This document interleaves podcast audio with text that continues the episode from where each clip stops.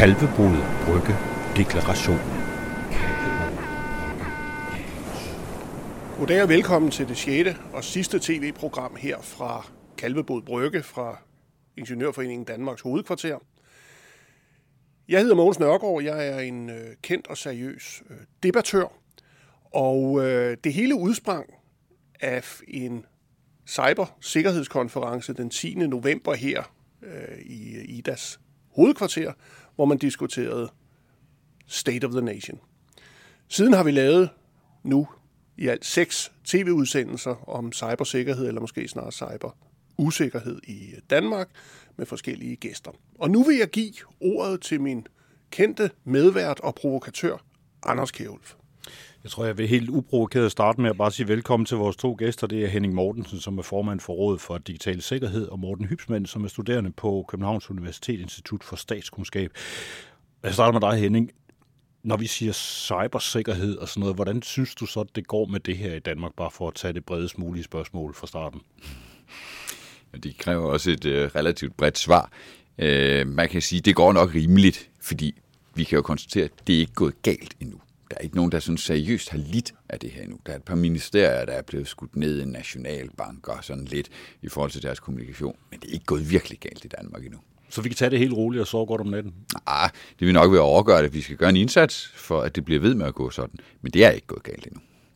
Så vil jeg også gerne sige velkommen til dig, Morten Hybsmand. Øh, det her med computer og dig, hvordan har du det med dem? Altså, hvad er din baggrund for at begynde at beskæftige sig med det her?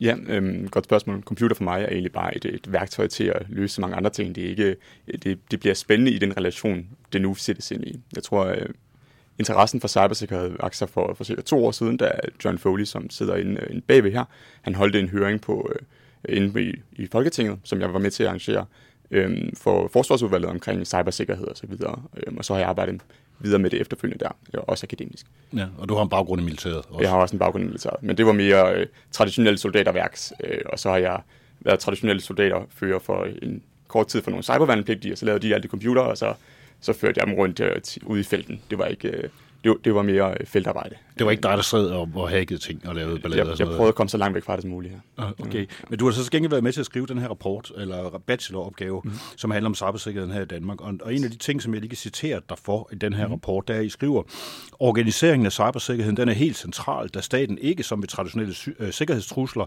er målet for størstedelen af de fjendtlige angreb, eller har kapacitet eller viden til at modsvare dem alene. Staten er derfor afhængig af samarbejde med og styring af private aktører, som i bred udstrækning også forvalter den kritiske infrastruktur. Dette medfører dilemmaer og udfordringer vedrørende både statens rolle og effektiv styring. Kan du prøve at beskrive nogle af de her dilemmaer, som staten står i i forhold til cybersikkerhed? Ja, det, det kan jeg sagtens, fordi det helt grundlæggende, som vi prøver at, at føre ind til der, det er jo, at, at staten, hvis man skal tage det helt overordnet, sådan, altså politologiske, filosofiske spørgsmål, der, hvad er statens rolle, så er det jo i bund og grund at sørge for sin borgers sikkerhed inden for et givet territorie. Øhm, og det er jo nemt nok, når du måske har krig med andre stater, og du skal holde, holde dem ud, så er det staten, der mobiliserer en her og holder dem væk. Men når det gælder øh, cyberområdet, jamen, så står vi lige pludselig i nogle problemer, fordi staten har jo, har jo ikke rigtig de samme kapaciteter til at kunne, kunne forsvare sig øh, imod det. Det er ofte meget øh, decentralt placeret ude ved, ved dig og mig og alle virksomhederne og, og alle, øh, alle myndighederne. Øhm, og heller ikke målet for det på samme måde, som hvis, hvis Rusland angriber Ukraine, jamen, så er det ofte staten eller de centrale institutioner, der har målet. Det er det ikke nødvendigvis ved, øh, inden for cyberdomænet, hvor det er kriminaliteten, jamen, så er det der, hvor, hvor pengene er, de søger hen, og det er ikke nødvendigvis bare ved, øh, ved staten. Så der skal man finde på helt nye løsninger og organisere sig på, som ikke nødvendigvis vil kunne bruges, lad os sige, over for traditionelle sikkerhedstrusler, som vi står overfor. Øh, så vi kan ikke bare oversætte det, vi ved fra sikkerhedsdomænet et sted til cyberdomænet det er simpelthen noget, det er, en, det er en helt andet spil, det her, vi, vi er ude i. Og så er der det helt centrale spørgsmål, som vi beskæftiger med, det hedder, hvordan cybersikkerheden af den kritiske infrastruktur i Danmark skal styrkes og organiseres, og så vil vi gerne afdække, hvordan den kan forbedres. Så det er jo et meget, altså det, det er et, skal man sige, det er en stor ambition det at komme med, og den har jeg faktisk skrevet om. Jeg skal lige huske at sige, at den her opgave, som, som du har afleveret sammen med, med, par, med to andre, den har jo faktisk fået en topkarakter øh, og alt muligt andet, så endnu en god grund til at få den læst. Man kan få, finde et link til den ude på nogle af vores sider et eller andet sted. Men lad os lige tage det her med organiseringen af tingene. I forhold til ansvaret her i Danmark, der har vi jo ligesom to store spillere her. Der. Men vi har Center for Cybersikkerhed, og så har vi Digitaliseringsstyrelsen, som er dem, der ligesom... Ja, det hedder det, men også Digitaliseringsstyrelsen i den her sammenhæng. Det er faktisk det vigtigste ord i den her sammenhæng. Jeg skal lige høre lidt om øh, fra dig, hvordan, hvad er deres roller i det her, hvis man skal prøve at forklare det til folk, der ikke ved noget om det? Ja, så vi skrev den her opgave før den nye regeringsskifte. Det er det udgangspunkt, ja. vi tager øh, derved. Og der har man øh, i den tværgående koordinering, øh, der har man en helt central spiller, som er, er Center for Cybersikkerhed, øh, som varetager den her rolle, placeret under efterretningstjenesten og har ansvaret for at øh, føre, altså rådgive alle de, den dele af den kritiske infrastruktur øh, og sørge for, at deres cybersikkerhed er, er up-to-date. Øh, og så delvist føre, føre til en vis grad føre lidt tilsyn med, men det er en, en rådgivende funktion, som centeret de, de varetager. Og så sammen indsamler de også en masse informationer, øh, hvad der gælder øh, cybersikkerheden. De har et sensornetværk ude på, fordi de mener, der er den kritiske infrastruktur øh, i Danmark, øh, og så kan de reagere i forhold til det. Øhm, så har man så øh, Digitaliseringsstyrelsen, som har ansvaret for, for de offentlige myndigheder, og sørger for, at de lever op til de øh, standarder osv., der, øh, der er der. Det er de to mest centrale. Ja, og, det, og så, nu er der så sket det i mellemtiden efter, siden I skrev den her opgave, så nu er der så kommet et, et digitaliseringsministerium i ja. den her sammenhæng, hvor man kan så sige, at de her ting ligger du. Og det kommer vi tilbage til lige om, lige om lidt. Fordi I siger, at den måde, man gør det på her i Danmark, når man skal snakke cybersikkerhed, det, hedder, det kalder I for reguleret net, netværksgovernance. Kan du prøve at beskrive, hvad, hvad er det for et begreb? Yes, altså det er jo et, øh, vi, vi trækker på den, øh, den akademiske styrings- øh, til at prøve at finde ud af, hvilken, altså, hvad, hvad kan man kalde det her, vi, vi ser. Der kunne vi ikke finde et, et, et retvisende begreb inden for den litteratur, øh, som det var. Hvad gør man så? Man finder på, på sit eget. Øh, og det, vi kalder reguleret netværksgovernance, det baserer sig på de kendetegn, vi ser i den danske organisering. Så for det første, så er det et, øh, et reguleret. Øh, det er det, fordi at reguleringen regulering kommer primært fra EU, og den betyder rigtig meget i, hvordan man har valgt at styre det i Danmark. Det er NIS og det er NIS 2, vi ser ind i, som virkelig har været med til at presse den måde, man har organiseret på øh, sig på i Danmark. Og de krav og minimumskrav, vi har, jamen, de kommer overvejende grad fra, fra EU. Så det er reguleret. Men det er også et netværksgovernance, fordi man har en, en decentral organisering i Danmark, øh, og man ikke har klare sådan, styringshierarkier, jamen, så er man nødsaget til at have, i stedet for at have tillidsrelationer, som på den måde bærer det op på, og så har man en netværksstruktur, mere blød styringsform, som på den måde øh, styrer koordineringen og, og ansvarsstillingen imellem forskellige øh, områder og sektorer. Og den handler rigtig meget om, kan man sige, at vi har en fordeling imellem. At der er både noget statsligt, men der er også utrolig meget privat endnu. Ja, nemlig. Øhm, det er der. Altså, vi har taget øhm, vores blik fokuserer på den kritiske infrastruktur. Vi ser ud af det primært på, på finans, energi og sundhedssektoren. Øhm, og de, er jo, de spænder sig både fra, fra det offentlige og til, til den private sektor øhm, i det, vi ser på. Øhm, men det, der er helt dominerende i, hvordan man har organiseret sig i Danmark, det er, at man har en, øh, øhm, et øh, hvad hedder det, sektoransvarsprincip. Så hver sektor de har ansvaret for, for styring inden for dem selv. Så under hver ministerområde, jamen der er det ministeren, der er ansvarlig. Så vil sige ministeriet og departementet, der laver en strategi, eller man har en decentral enhed for cybersikkerhed, som styrer det. med. Så man tænker i, i de her sektorbokse, kan man tænke det som. Og så tager man sikkerheden inden for hver dem. Så har lige citat mere fra, fra jeres ja. opgave her. Det hedder, i vores analyse finder vi dog også en række svagheder ved den danske organisering, som vanskeliggør en effektiv håndtering af den fortsatte udviklende trussel fra cyberspace. Med begrebet reguleret networks governance har vi belyst, at der på trods af høj regulering og tillid eksisterer et ansvarsvakuum, når det kommer til organiseringen af den sværgående opgave med cybersikkerheden på det civile område. Ydermere mangler der et centralt overblik og ansvar for den cybersårbare kritiske infrastruktur. Det her ansvarsvakuum, hvad, hvad, hvad, hvor ligger det hen? Ja, men det er jo, som jeg nævnte før, så har Center for Cybersikkerhed, de har det, det er jo ofte det rådgivende ansvar for, for alle de her sektorer, for at de kommer med, fordi ansvaret det ligger jo hos ministeren, skal vi huske på. Men det gør så også, at der mangler for den tværgående koordinering. Når der er et angreb, der går på tværs af sektorer, jamen så er der ikke nogen, der har ansvaret reelt. Man har en NOST, man kan mobilisere, øh, den nationale operative stab osv., man har nogle andre små organer, men de har ikke et, et konstant fokus på de trusler, der går på tværs, eller de udfordringer, man står med der. Så derfor så er der ikke nogen, der har ansvaret for den øh, for tværgående opgave. Det er det, vi kalder ansvarsvakuumet. Har vi det, har vi det i den traditionelle militære verden, den kinetiske verden? Har vi der en person, der ligesom kan styre forsvaret af Danmark? Når ballon går op, så har man jo øh, forsvarschefen, som trækker trådene og som styrer det der i samarbejde. Det udtryk, det har lige fået en helt ny betydning. Ja, det, det er rigtigt nok. Altså nu er den så gået ned igen, ballonen, kan man ja, sige. Det ned, øh, så det, uh, yes. uh, men det har man, men det er jo også nemmere i det militære. Uh, det ved jeg ikke, om man kan sige på, men det er jo nemmere i den forstand, at et angreb, et cyberangreb, det kan nemt rejse sig igennem. Det, det er diffus, det spreder sig lynhurtigt, går på tværs af sektorer, og det er der ikke sted, går op det andet sted. Uh, så, så, det, så det man kunne sige, det er, at der findes ingen forsvarschef inden for cyberområdet. Der findes ikke en, der kan beordre folk til at gøre bestemte ting. Nej. Jeg skal bare lige høre, der er nogle, der er nogle lande, I sammenligner med. Altså, mm. hvordan bygger man, altså er Danmark unik, hvad det angår? Der er andre lande, som også har, har decentrale tilgang, men så vidt jeg ved, i forhold til det, de vi har set på, så har vi et af de lande, der, er, der på den form er, er mest øh, decentraliseret. Når det så er sagt, så har vi jo det faktum, at CFS har samlet næsten alle kompetencer inden for det her område.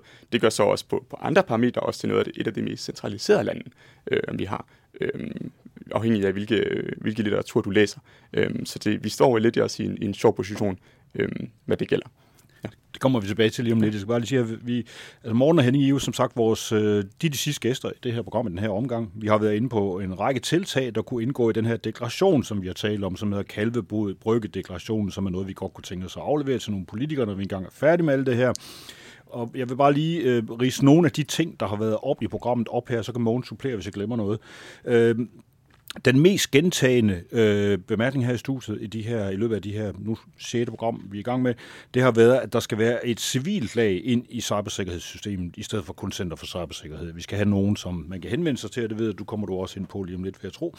Så kunne vi godt tænke os at få et fast tv-program, et, noget radio eller et eller andet på Danmarks Radio eller TV2 om cybersikkerhed. Det skulle være en slags oplysninger til borgerne om cyber. Vi kunne kalde det OBC, eller som Mogens og jeg lige nåede frem til, det lyder faktisk bedre med OBOK. Ja. Øh, det, det lyder sådan lidt, det, det ja. lyder næsten sådan, det lyder våbenagtigt. Ja, det synes jeg. Det kan vi godt lide. Ja. Øh, så har vi også øh, blandt andet på baggrund af et besøg af en gæst fra Estland i sidste uge talt om vigtigheden af nationale øvelser. Det har de i Finland, og det har de også i EU og i NATO. Øh, vi har ikke rigtig nogen herhjemme, nogle øh, nationale øvelser, hvor man ligesom kunne gå ind og sige, øh, sætte forskellige virksomheder i gang og se, hvad kan du lave, ligesom vi træner sirenerne en gang om året. Så kunne det være, at man skulle lave noget simuleret på hele landet. Så har vi talt rigtig meget om, at der bør være analog redundans i samfundet, for eksempel i forhold til kontanter og andre vigtige samfundsfunktioner. Og hvad har jeg så glemt nu, Mås? Jamen, jeg synes faktisk, du har, du har fået det med. Jeg synes jo, der har været to megatrends. Den ene kunne jeg kalde civiliseringen af Centret for Cybersikkerhed. Øh, og, og, og mere åbenhed i den forbindelse, og mere accountability øh, udadtil. Og den anden megatrend, det er jo en, der nærmest har snedet sig ind på os, uden at vi havde forberedt det, nemlig øh, skal vi lige stoppe lidt op og trække vejret omkring digitaliseringen af samfundet. Det er vel de to store ting, vi har har haft øh, kommenteret Ja, den der med stop op, stop op omkring digitalisering, det handler jo også om netop om, den kan vi måske også vende tilbage til, når vi kommer til at snakke om NIS 2 senere. Så man kan jo heller ikke ligesom, hvis vi sammenligner det med en kampvogn, så svarer det lidt til, at vi går og reparerer på vores kampvogn samtidig med, at den kører og skyder og sådan noget. Det er måske ikke sindssygt smart, men det, det kan vi tale om lidt, om, om lidt senere. Det medfører store tab. Ja, men Morten Hytman, I gennemgår jo faktisk øh, altså tre modeller til forbedring. I har simpelthen ikke bare kritiseret, hvordan systemet øh, ser ud, I har simpelthen også kommet med forslag til det. Og den ene, øh, og dem, dem vurderer I så også øh, undervejs og siger, er det en god eller en dårlig idé. Men en af de ting, man kunne gøre, det var, at man kunne sige, Center for Cybersikkerhed, de skal have endnu mere ansvar. De skal simpelthen øh, styre det hele i virkeligheden på, på den her ting. Men det har du nogle, det er der også nogle forbehold i forhold til. Ja, altså man kunne følge den, den nuværende sti, man har valgt, og så bare give, jamen det her ansvarsbærk, jamen lad os få CFCS til at fylde det ud, til at overtage mere ansvaret på tværs, og få en endnu større rolle i koordinering. Altså dermed blive den forsvarschef, vi lige talte om Ja, før, for som eksempel. kan give ordre til de andre. Få noget øh, ansvar i den rolle, øhm, og så på den måde, øh, jeg vil ikke sige udvande sektoransvaret, men i hvert fald måde fylde det ud, der går på tværs. Men det vi ser af vanskelige, øh, vanskeligheder ved det, det er, at vi ser flere virksomheder og interesseorganisationer, øhm, og også øh, øh, ja, primært virksomheder, der har problemer med at, øh, at samarbejde med CFCS. Øh, de er meget glade for, øh, sy- generelt synes vi, at øh, der er stor tillid til CFCS, men når det så gælder at dele oplysninger med CFCS, som er en efterretningstjeneste, der har de en hel del forbehold. Også folk, der står tilbage for at ikke gider at indtage, øh, gå, gå en del af netsikkerhedstjenesten øh, og få en sensor placeret på sin, på sin virksomhed osv. Og så føler de ikke, de får noget hjælp tilbage fra CFCS, som det er nu.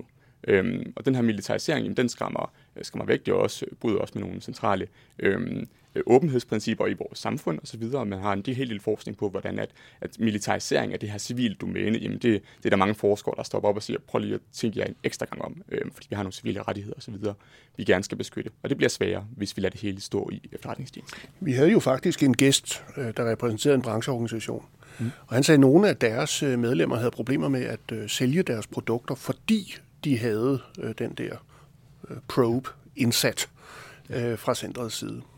Og dermed afleverede oplysninger til en hemmelig tjeneste, der jo for all practical purposes handler i gåseøjne med de data også, med andre lande måske. Ikke? Så derfor kunne de simpelthen ikke få kontrakter. Men det, du grundlæggende taler om, det er simpelthen også ubehaget ved, altså man kan sige, at det svarer også til, at man får et samfund, hvor, man, hvor der ligesom skal stå i en civil virksomhed, så skal der stå en soldat ved døren. Sådan virtuelt, eller hvad man nu skal Ja, kalde det det. er svært at oversætte det til den analoge verden, men det vil det nok noget i den stil være. Det er sådan, hvad det svarer til. Så har I øh, et forslag mere. Mhm. Det er, øh, som, som også er en mulighed løsning på de her ting, det kunne være, at man skulle have Styrelsen for Digitalisering og Cybersikkerhed lagt ind under statsministeriet. Ja.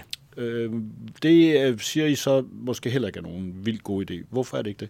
Ja, og det er jo ikke, fordi der, der er sådan en styrelse nu, men det vil være så, og så lad os sige, at vi opretter en civil styrelse, og så, som, som nogen har advokeret for i den, i den offentlige debat, så vil man følge en israelsk model og lægge, lægge den direkte styring under statsminister. Så har man en stærk minister, som kan styre det, det tværgående ansvar, øh, og så ligesom løfte det her op på det højeste politiske plan. Øh, men den, det arbejder bare, vi har med den løsningsforslag, det er simpelthen, at det ikke ser politisk muligt ud. Fordi at statsministeren vil påtage sig for meget ansvar, og det har vi meget svært ved at se en, en dansk statsminister gøre. For så hvis når der kommer en møgssag på cybersikkerhedsområdet, som altså, det skal der jo nok komme på et tidspunkt, øh, Så, jamen, så står man med aben. der sker ikke noget. Så. Og så kan man ikke bare øh, smide ministeren ud og erstatte den med en ny, så skal øh, nok snart en regering, der vælges, hvis det rigtig går galt. Øhm, så, så det ser vi ikke som politisk muligt. Det er simpelthen ikke realistisk. Det kommer ikke til at ske. Der er ikke nogen, en statsminister vil ikke påtage sig det her, fordi der bliver for meget bøvl. Det vil øh, overraske mig meget. Ja. Det, det andet forslag, det minder jo så en lille smule om det, der i virkeligheden måske indirekte er sket, bortset fra, at der mangler en enkelt brik. Ja. Det hedder et IT-ministerium med ansvar for IT, digitalisering og cybersikkerhed.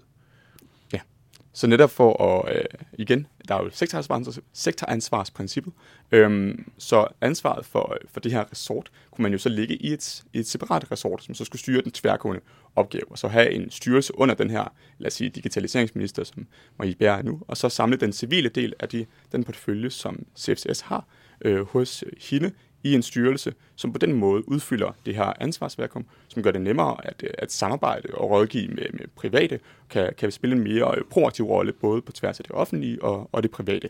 Øhm, og det er det, vi, øh, vi ender med at anbefale. Øhm, og så mener vi også, at man stadigvæk bør holde fast i at have den militære del af CFCS, som jo også er meget vigtig, øhm, skal vi nok huske på, øh, ved FE. Der er også nogle, nogle fordele derved. Øhm, så simpelthen splitte dem op, og så prioritere det øh, endnu mere i en civil del. Så skal jeg lige, øh, en anden ting, vi er nødt til at begynde at tale om NIS 2, fordi det, bliver jo, det, er, jo- det er jo den store, det er jo det, man kalder i, i moderne cyberverden, så er det simpelthen elefanten i rummet, som, eller den er, ikke bare, den er ikke i rummet nu, den står udenfor, og øh, den er faktisk gungerne på vej herop med omkring 60 km i timen, og den kommer her om ikke så længe. Og, men Morten, det skriver I også noget om, fordi I skriver, at I anbefaler, at fremtidig forskning skal undersøge, hvilke betydning øh, at NIS 2 og udvidelsen af de 18 samfundsvigtige sektorer har for cybersikkerheden, hvad der kendetegner cybersikkerheden i de her nye sektorer, samt hvordan samarbejdet og den tværgående styring af cybersikkerheden påvirkes af denne udvidelse. Det ved jeg, at Henning vil snakke en masse om lige om lidt, men set fra din plads, øh, hvordan udfordres det danske system med NIS 2? Vi har et, øh, et netværks- og tillidsbaseret system, når man skal koordinere imellem sektorerne. Det fungerer okay og stadig ved at blive bygget op omkring de seks sektorer, vi lige nu vurderer er de, er de kritiske sektorer. Men lige om lidt, eller faktisk allerede, der siger man, at man har 18 samfundets vigtige sektorer, som nu skal sidde i samme rum, og så skal de koordinere på tværs. Altså så har man 18 mennesker, måske lige to øh, personer fra hver sektor, og så har man lige pludselig ret mange, der råber øh, imellem hinanden og skal have relationer op og by. Og det bliver svært. Er det her en EU-lovgivning, hvor vi skal implementere det, der står, eller er det en af dem, hvor vi kan lave danske øh, øh, lidt frem og tilbage? Fordi betyder det, at de 18 sektorer, dem skal vi betragte som samfundskritiske? Eller kan vi lave et eller andet dansk fiddly home, så vi ender med 6? Vi har søgt at foregribe det, så vidt jeg forstår, det ved Henning sikkert meget mere om, end- end jeg gør. Men vi har søgt at foregribe det i den seneste strategi, hvor vi har oprettet øh, 18 samfundsvigtige, så her gradbøjer man også det kritiske infrastruktur. Vi har, I stedet for at have det, vi har de samfundskritiske sektorer, så har vi de samfundsvigtige sektorer. Øhm, og så på den måde gør den. Men det er et øh, direktiv, så det er national implementering. Øh, Og det er også minimumsharmonisering. Så det vil sige, at man ville kunne lave øh, særregler, der går videre end det, der står. Men, Men du, det- kan ikke, du kan ikke klippe det af, der mm. står. Så vi skal følge det med de 18. Men det gør jo ikke, at man ikke kunne tilføje en 19. Nej, men der kan ikke kun være 6. Nej. Nej. Det er i hvert fald vigtigt, vi skal over til dig, Henning Mortensen. Du er formand for Rådet for Digital Sikkerhed. Øh, Du har også stået her og lyttet til Morten Hybsmann. Har du nogen, skal man sige, umiddelbare reaktion på nogle af de tanker, han er kommet med her? Jeg synes, det er en super fin opgave, vi har lavet, og så tillykke med, resultatet. og, og I fik jo så også ret, i og med, at vi fik et, øh, et IT-ministerium. Så det er jo altid ret øh, på, på, på bagkanten. Yes. Jeg synes, at øh, når man sådan kigger tilbage på, øh, på, på den udvikling, der har været, så har der jo været en, en militarisering af det her område, som jeg ikke synes har været begrundet. Øh, og det har man gjort formodentlig mere eller mindre af praktiske hensyn, da man nedlagde den gamle IT-telestyrelse, øh, hvor noget så gik til Digitaliseringsstyrelsen under Finansministeriet, og går så den så røg uden under forsvaret. Og derfra er det sådan set så gået galt, kan man sige, ved at Center for Cybersikkerhed er blevet større, større, større, større, større, men som stadigvæk ligger inde i det her øh, militære system. Jeg synes, det kunne have været nyttigt, hvis man havde kigget på, på cybersikkerhed som, som et begreb, som jo fortrinsvis er noget, der vedrører øh, forskellige former for kriminalitet på internettet, og så øh, noget cyber warfare, hvor, hvor det der så er cyber warfare, det kan ligge inde i, øh, i, i selve forsvaret. Så skal vi selvfølgelig tilbage til at definere de her ord, men, men lad os nu bruge vores kvindelige intuition omkring dem, ikke? Øh, og, og sige, sådan kunne det godt, øh, sådan kunne det godt have, have udviklet sig det bliver meget svært øh, at få flyttet alle de her kompetencer, der nu er bygget op, og al den forbundethed, der er sket inde i øh, Center for Cybersikkerhed med, og med FE, det bliver meget svært at få det flyttet, øh, flyttet ud igen.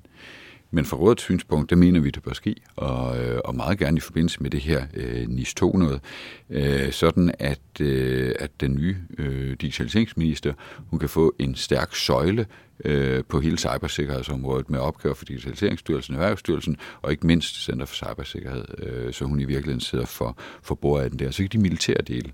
Det hvor det handler om sådan trusler mod øh, demokratiet eller destabiliserende angreb øh, i Danmark, det kan så ligge over ved, øh, ved Center for Cybersikkerhed. Så jeg vil også lige tilføje en enkelt ting mere. Du siger, at øh, NIS 2 kommer gungerne, gungerne med 60 km i timen. Altså, jeg har mere indtryk af, at NIS 2 kommer gungerne med 10 km i timen. Og, øh, og det er, fordi det er en stor elefant, som kommer til at ramme os alle sammen. Men det er også med langsomt øh, i forhold til, at øh, hvem er omfattet, hvad er det mere konkret, de skal gøre. Og når så man har besluttet sig for det, så skal der også være noget tid til dem, der faktisk skal agere. De faktisk kan agere. Øh, der sker meget, meget lidt, i hvert fald udadtil, øh, på det her område. Og det, der sker, sker mere fra sådan nogle aktører som for eksempel Industriens Fond, end, øh, end det sker fra myndighedernes side af. Men mit indtryk, når jeg læser i pressen osv., det er, at NIS 2 kommer væltende. Det er det ord, der bruges. Det kommer væltende. Nu er alle nødt til at gøre noget. Du siger, det bevæger sig som en gletscher. Mm. Okay. Jamen det siger jeg, fordi det er rigtigt. Øh, altså, der er alle mulige konsulenter, øh, som er fremme og råber om, at øh, det her det sker, og det bliver større end GDPR og, og så videre.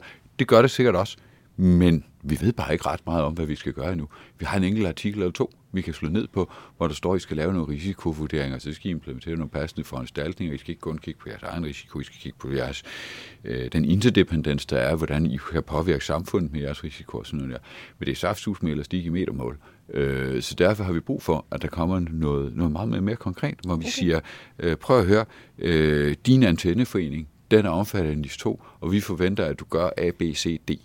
Øh, fordi før vi ved det, øh, så sejler vi bare i en eller anden retning, som er forholdsvis øh, ubestemt. Så du mener, at der er både tale om det, jeg kalder fut, frygt, usikkerhed, tvivl, der spredes lidt af konsulenter, der gerne vil sælge nogle ydelser, og andre mm. Organisationer, der gerne vil sælge nogle ydelser.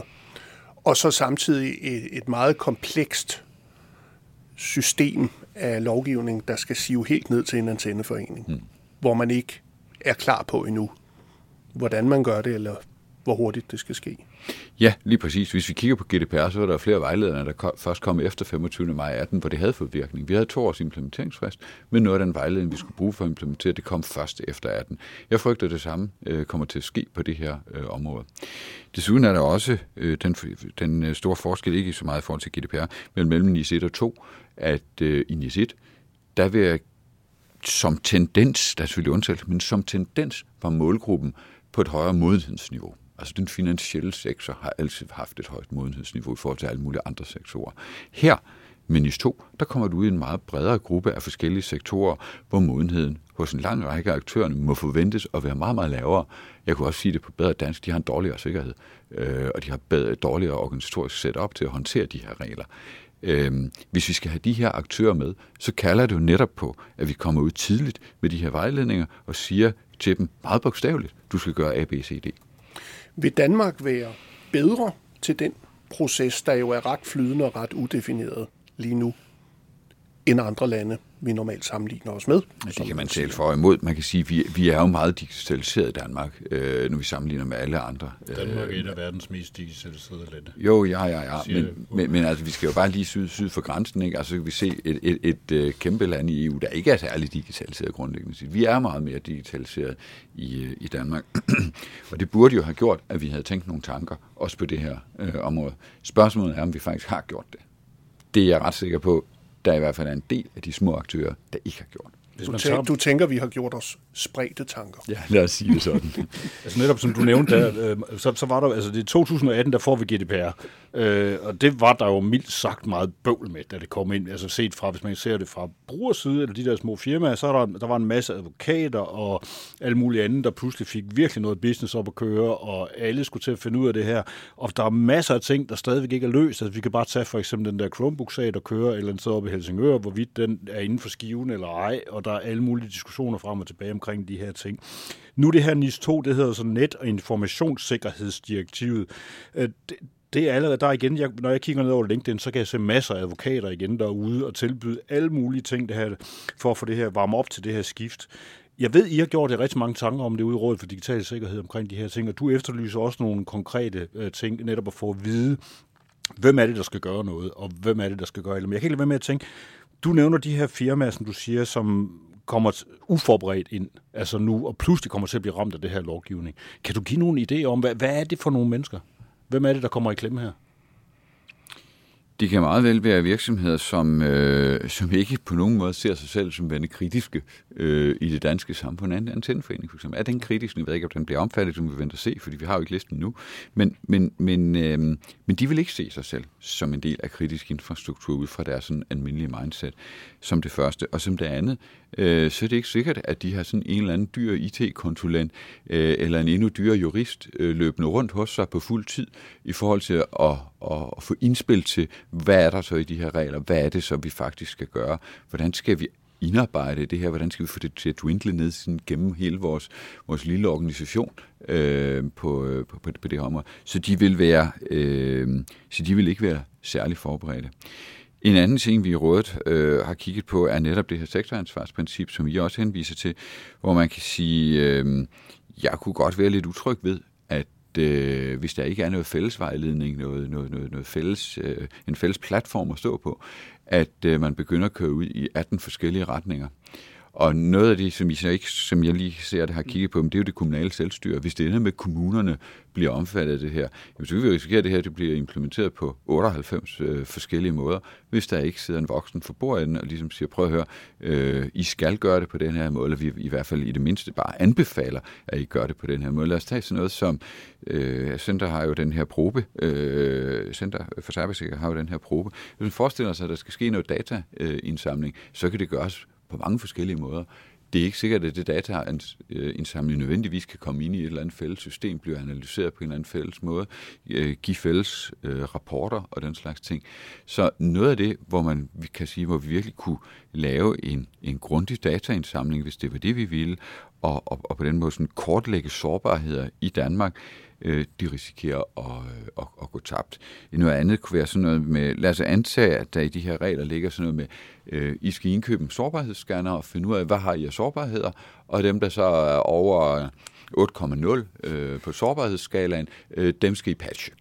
Lad, lad os antage, at, at man får tolket det sådan, jamen så vil det her stadigvæk blive implementeret måske på 98 forskellige kommuner 98 øh, forskellige måder i kommunerne, og 18 øh, forskellige måder gang antallet af institutioner øh, på, på, på staten. Jeg kan høre dem græde allerede helt her i studiet allerede nu. Jeg kan høre dem, de sidder ude i de der kommuner, så sidder de bare sådan, Åh, endnu en gang, vi er lige, og nu skal vi til det, og så får vi datatilsyn på nakken. Jeg, jeg, jeg kan i hvert fald se, at vi ikke får den her effekt, som vi kunne få kan man sige, hvis der ligesom sad en voksen for og koordinerede den her øh, dataindsamling. Det er mange år siden, man begyndte at tale om sådan noget interdependens mellem sektorerne i den gamle IT-tilstyrelse. Det var jeg sad i Dansk Industri på det, som vi var med på at pege på. Det skulle man kigge på. Man begyndte også at tage det op, man kunne godt se det.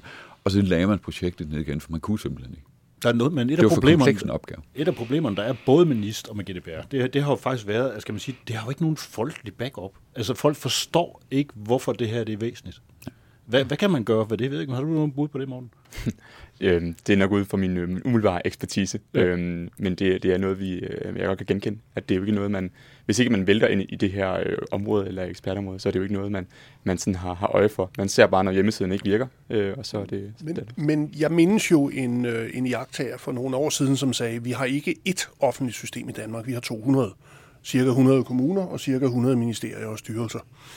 Og øh, jeg kan da også se, at informationssikkerhedspolitikker øh, bliver udarbejdet i hver eneste styrelse hver for sig af forskellige mennesker, uden at de koordinerer noget som helst. Øh, så, så spørgsmålet er jo i virkeligheden, om vi kigger ind i for en gang skyld noget, hvor vi faktisk ikke kan bruge vores styreform effektivt. Hvad vil du foreslå, Morten? Fordi der er nemlig, der er nemlig en, en gut her, han hedder John Foley, øh, som spørger, hvilken organisatorisk løsning anbefaler og peger Mortens gruppe på? Øh, ja, som jeg, som jeg også kort nævnte før, så vil vi netop anbefale, at man har at man samler det under et, et ministerie, som så også får ansvaret for at, øh, at kortlægge den her kritiske infrastruktur, vi har på cybersikkerhedsområdet. Jeg ved, der forestår et arbejde nu her med, med at undersøge det her, og også øh, først skal man finde ud af, hvad er det, der er kritisk infrastruktur. Det udstår stadig til en, til en vis grad. Hvad tæller med, hvad tæller ikke med? Øhm, og så selvfølgelig også interdependenserne imellem dem. Altså, hvor, hvis det angreb rammer her, hvor går det så ind? Men vi anbefaler et, ja, et ministerie, øh, og så have det under der, øh, og en styrelse, der kan, der kan varetage den civile cybersikkerhed. Øh, Yes. Tak. Så har Mette Nikander, en tidligere gæst her i studiet, øh, spurgt. Mener Henning ikke, at man som virksomhed allerede nu bør påbegynde sin NIS 2 compliance, eftersom det rent organisatorisk og teknisk kan være et omfattende arbejde, og egentlig også skal indberegnes i budgetterne. NIS 2's retningslinjer indikerer jo allerede nu nogle klare områder, hvor man skal sætte ind. Hvad siger du til det, Henning? Tak for spørgsmålet med det, og jeg kan godt lide, at øh, du starter med, mener Henning ikke, øh, fordi så, så er jeg lidt låst øh, allerede. Tak med det. Øh, hvad hedder det? Øh, det er et øh, meget validt spørgsmål, og selvfølgelig mener jeg det, fordi der vil være rigtig mange, der har øh, langt at gå, og man kan jo godt sætte sig ned og læse den her lovgivning Øh, specifikt øh, et par artikler, øh, hvad hedder det, og på den måde blive klogere på, jamen, hvad er det så faktisk, øh, vi skal gå i gang med. Nogle af de ting, der står, er jo faktisk nogenlunde til at forstå. Vi skal lave en risikovurdering, som sagt, og vi skal implementere nogle foranstaltninger efterfølgende. Den del kan man godt gå i gang med, og den kan man roligt gå i gang med, uanset om man er omfattet af NIS 2 eller ej. Øh, det er i virkeligheden jo en opfordring til alle, øh, der har digitale systemer. Lav de to ting. Øh, hvad hedder det? Og, og, og komme så meget i mål med, øh, med det. Så det må være svaret på, på Mettes spørgsmål. For så vidt angår øh, organiseringen, jamen altså, så tænker jeg også, at vi skal have det her øh, civile cybersikkerhed lagt ind under, øh, under den nye IT-minister. Øh, også fordi det er centralt, at vi ligesom får dirigeret det her ministerie fra starten af. Ellers ender det med at blive, det jeg har i hvert fald en frygt for, at det hurtigt kunne blive sådan et... Øh, kunstig intelligens teknologi begejstringsministerium, øh, hvor man i virkeligheden tænker, nu skal vi saftsuffen give den fuld skrue med at effektivisere og bruge alle de redskaber, der ligger nede i værktøjskassen. Der skal kunstig intelligens ind over, helt sikkert. En AI-styrelse. Chat-GPT ja. lige med det samme. Lige præcis. De kan jo svare på alle de der spørgsmål, når folk de ringer ind fuldstændig desperat ud fra kommunerne. Så kan vi sætte chat-GPT til at svare på det hele. Jamen det regner også med, jeg regner med at lave en syvende udsendelse, hvor, hvor vi to slet ikke til stede, hvor vi bare har en computer stående her. Vi skal heller ikke være. vi kan stille, stille spørgsmål. Vi skal faktisk lave 200 udsendelser, fordi der er 200 offentlige.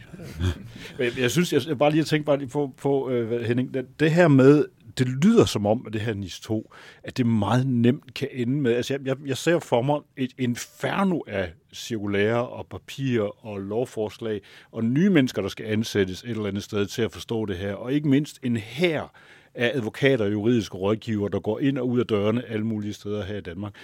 Kan vi undgå det? Altså, hvordan øh, findes, der en, findes der ikke et eller andet smart fix, så vi undgår det, så det ikke, skal man sige, altså GDPR var ikke lige frem, det var ikke helt kønt, det der er foregået rundt omkring. Altså jeg vil sige, jeg, jeg frygter også netop det, det billede, som du, som, som du tegner her, og det er derfor, vi, vi er tidligt ude, kan man sige, rådet og, og, og har prøvet at sende et brev med nogle af de ting, vi synes, der skal, der skal adresseres. Øh, det behøver ikke gå sådan. Kan når, du nævne... når, når vi skriver det her brev lige nu, så er det fordi, at vi gerne vil have, at det ikke går sådan. Vi siger, prøv at høre, vi, vi har vi har godt højt tændingerne, vi har set det her før, vi er nu opmærksom på de her ting og prøve at få dem adresseret. Og nej, jeg kan ikke nævne et eksempel, øh, hvor, hvor, hvor man har håndteret det her super elegant, altså hvor der er kommet noget, noget lovgivning fra EU, og så har det bare fuldstændig kørt på skinner. Men kan I nævne områder, hvor Danmark har været i stand til at handle på tværs, selvom vi har den nuværende måde at have ministerier på? Tænk frit. Der har jo faktisk været, altså, og det peger jo også på, med den her netværksorganisering, vi, vi, vi har i Danmark, altså nu skal vi heller ikke bare fokusere på de, på, de, på de dårlige ting, med den her netværksorganisering, som vi har i Danmark, der har jo været et godt samarbejde inden for DC'erne, og der har faktisk også været noget frivilligt samarbejde i et eller andet omfang mellem, øh, mellem DC'erne. Og noget af det, som er, er rigtig godt i Danmark, det er jo, at vi faktisk har, har tillid til hinanden. Det er jo ikke sådan to to teleselskaber kan godt have hinanden, øh, sådan rent markedsføringsmæssigt osv. Men når det handler om, at vi skal sørge for, at de her ydelser, de ligesom er flyvende, så kan de godt sætte sig ned ved samme bord. Det havde de jo faktisk gjort lang tid for inden, at vi havde de her nisregler. De kan godt sætte sig ned ved samme bord og sige, prøv at vi er nødt til at samarbejde om noget sikkerhed med henblik på at holde den her infrastruktur flyvende. Øhm, så der har vi en enorm styrke i Danmark at vi har tillid til hinanden inden for de her sektorer. Den tillid kan sagtens udbygges mellem de her øh, forskellige sektorer. Om den kan, det også kan ske med Center for Cybersikkerhed, det ved jeg ikke. Det er lidt mere... Øh, jeg, vil, jeg vil i hvert fald være forsigtig med øh, at gå ned ad den vej, men vi kan stimulere den her form for samarbejde. Og jeg tror faktisk, at den her, den her form for samarbejde, hvor vi taler med hinanden, sådan nogle uformelle linjer, er en ret væsentlig del af forklaringerne på, at det ikke er gået galt. Fordi når jeg ser et eller andet i mit hjørne, min organisation, så fikser jeg det, og så skynder jeg mig at ringe til mine venner og sige, øh, prøv at høre, vi var faktisk udsat for det her. Det kunne være, at I lige skulle kigge på, om, om I også oplever, at den her IP-adresse står og skyder på jer, eller om I nu har fået lukket øh, det her mærkelige hul, hvor vi, hvor vi havde et eller andet. Det gør vi. Ja, Morten? Ja, og det vil jeg også bare understrege, det, det, det er vi helt enige i. Fordi når vi er ude og tale med, med de her eksperter, eller dem, der står med ansvaret ude i den kritiske infrastruktur, så understreger de også den modenhedsrejse, de har været på, siden DC'erne blev oprettet, og den, det samarbejde, der har været både internt i sektorerne, hvor at, øh, for eksempel blandt energiselskaberne, der bliver sikkerhed ikke et konkurrenceparameter, hvor man prøver at slå de andre ved at sige, om vi, vi har sindssygt gode arbejdssikkerhed i forhold til de andre. Nej, man løfter hinanden op for at hæve bundniveauet, fordi man er godt klar over, at det er altså vigtigt for, for alle og for den troværdighed, der er internt i sektorerne. Og så har man fået en, en voksende fælles forståelse og en modenhed på tværs, når de her DC's er oprettet. Og det tror jeg også, vi kommer til at se øh, med udvidelsen til de her samfundsvigtige sektorer. Jeg tror, man er i gang med at tage det i en, i en god retning inden for de rammer, man nu engang har i Danmark. Men der har man faktisk prøvet at udfylde det ret meget. Men det er en proces. Den tager, den tager noget tid øh, at komme dertil. Så lad os håbe, vi når at komme i mål med det, før at, øh, at angrebet rigtig rammer.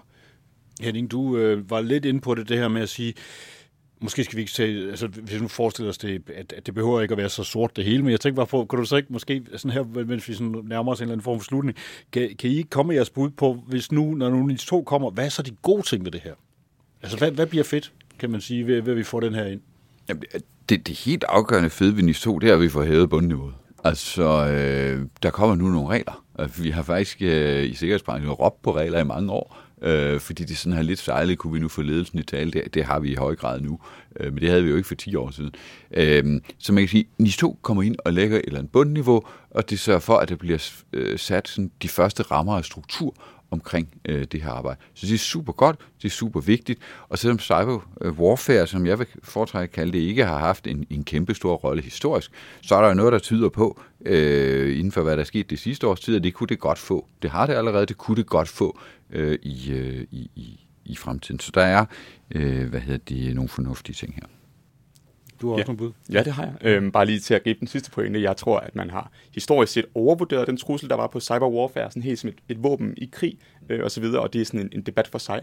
Men hvad der gælder NIS 2, så tror jeg, at vi kan se, at øh, i hvert fald på det offentlige, hvis vi zoomer ind der, jamen, der har vi en hel masse myndigheder, som Rigsrevisionen har påpeget flere gange, ikke lever op til de her minimumskrav. Og det er reguleringen fra EU, der, der før har ført til, at vi har hævet niveauet af sikkerhed i Danmark. Så det ser jeg meget, øh, meget velkommen på, at man om ikke andet ligesom kan, kan få de danske lovgivere til at våge lidt op og tage det her seriøst. Og så hvis ikke de selv kommer på den her lovgivning, jamen, så må vi jo få noget fra, fra EU ind til at netop, som du siger, hæve, hæve bundniveauet. Der plejer så godt nok at ske det, hvis vi kigger på GDPR, så plejer man så at lave lidt om på det, så det kommer til at passe til danske forhold. Det, du har også lige bud her. Ja, og så vil jeg også sige, altså øh, for alle interesseorganisationerne, alle de aktive øh, lyttere, der måtte være derude, altså man kan sige, nu handler det jo et langt stykke hen ad vejen at få lobbyet den her nye minister virkelig voldsomt i forhold til at forsikre, at hun også kommer til at interessere sig for, for sikkerhed, og ligesom tager sin bid af kagen på det her.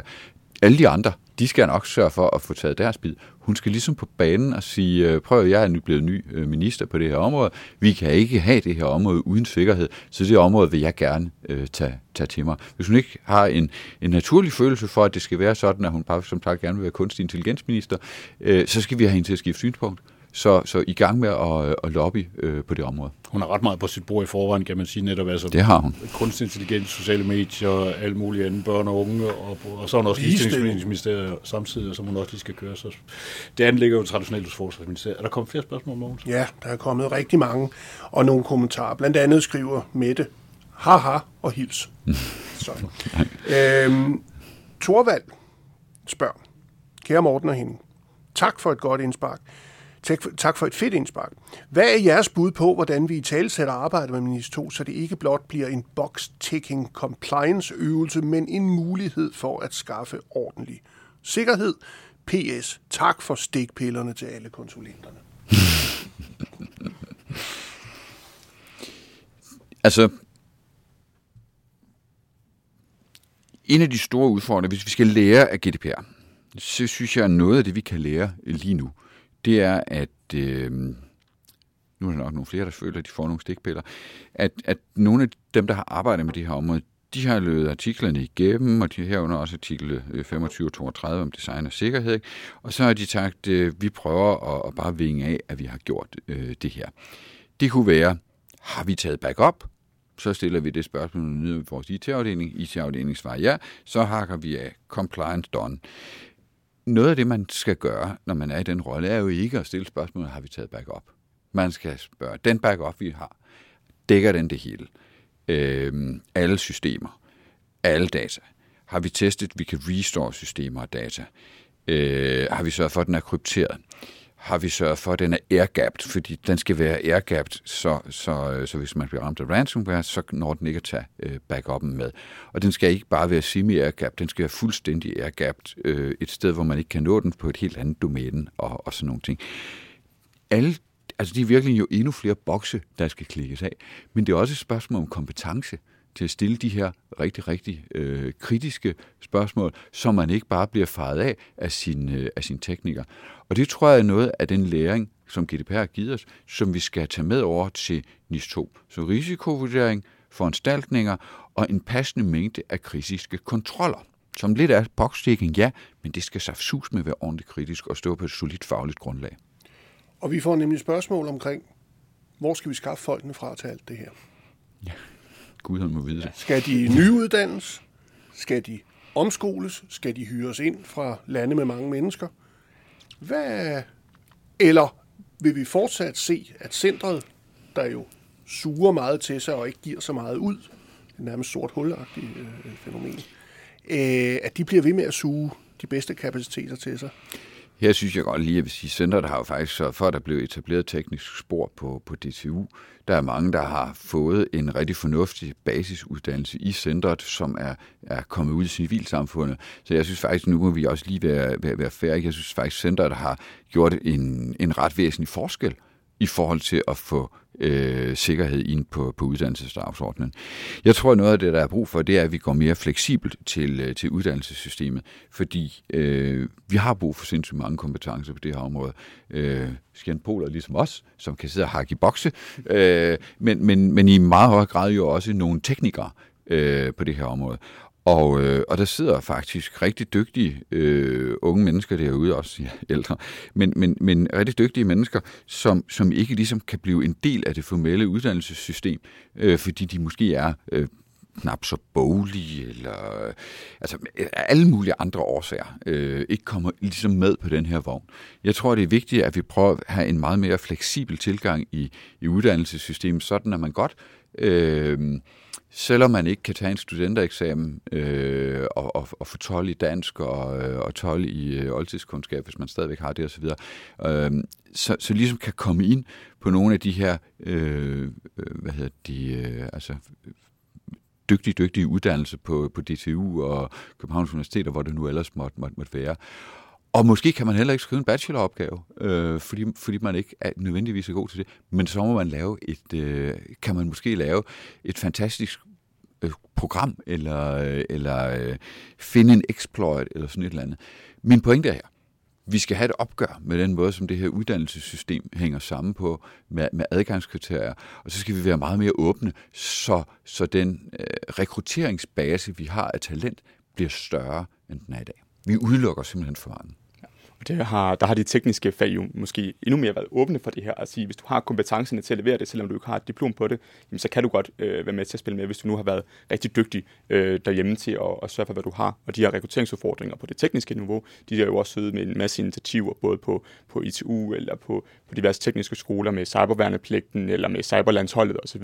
til at øge øh, opfattelsen der. Og så NIS 2 kommer også til at øge interessen for hele det her på tværs på de øverste lag, øh, som kommer helt op på dagsordenen. Øhm, ja, nemlig både i antennesforeningen, men også i bestyrelseslokalerne, som ser, at vi har behov for de her. Måske skal vi have dem udefra, måske skal vi uddanne dem internt. Øhm, og så kan det skabe et økosystem, der kan være mere bæredygtigt fremad. Ganske kort af det sidste. Den her kalvebod bryggedeklaration, som vi snakker om, hvor, hvor som skulle være et stykke papir, man kunne stikke ind til, øh, til politikerne og sige, læs det her og gør, hvad vi skriver, fordi vi har brugt en masse tid på at sætte det sammen. Hvis I sådan bare lige for hoften skulle komme med at sige, hvad er det vigtigste, der skal stå på det her stykke papir lige nu? Yes. Den er rigtig ond. Det er sådan yes. en, hvor man bare sådan, ja. fix det lige ja. her, men det er jo det samme på stedet. Ja, det, er jo, det er jo det, vi brugte et halvt år på at skrive, øh, netop som vi vil komme ind med til. Men, men lad være med at brænde bare de gode ting ned, som man har allerede, bygge videre på dem, og så flytte, øh, flytte den civile rådgivning, man har inde ved, ved centret, over til, øh, øh over til et civilt, et reelt civilt øh, domæne, øh, og så udbrede det ansvar, som man placerer ved det der civile, til at tænke på tværs. Ja. Det vil være min anbefaling. Kenny? Cybersikkerhed ude i civilsamfundet med det, og den nye IT-minister, hun skal have en kæmpe kage af det her sikkerhedsarbejde øh, relativt set til de andre spillere. Med det så, øh, så lukker vi sådan lidt vemodigt, men også rasende håbefuldt her for den sidste direkte sending her fra Kalvebruget Brygge. Men hvem ved, måske kan vi genopstå i nye klæder, for eksempel som det der oplysningerne til borgerne om cyber. Obok, det stiller jeg gerne op til, også selvom jeg skal have ham der Mogens med. Jeg hedder Anders Kjærulf, jeg er journalist, og vores gæster i dag, det var Henning Mortensen, formand for Rådet for Digital Sikkerhed, og Morten Hybsmann, studerende på Københavns Universitet, Institut for Statskundskab. Bag det hele, som grå eminence, der har John Foley fra Ida Militærsklinik, han har skaffet gæster og svævet over Kaldebod Brygge og taget mod spørgsmål fra jer, der har set på eller lyttet. Vi vender ikke tilbage umiddelbart herfra i næste uge med mere cybersikkerhed for studiet, med mindre Danmarks Radio eller TV2 ringer. Men formålet med det hele, det er jo vores deklaration. Den her Kalvebod Brygge-deklaration, den er undervejs, og den skal du nok få lov til at høre mere om undervejs. Tak for den her gang. Pas godt på dig selv og på Danmark.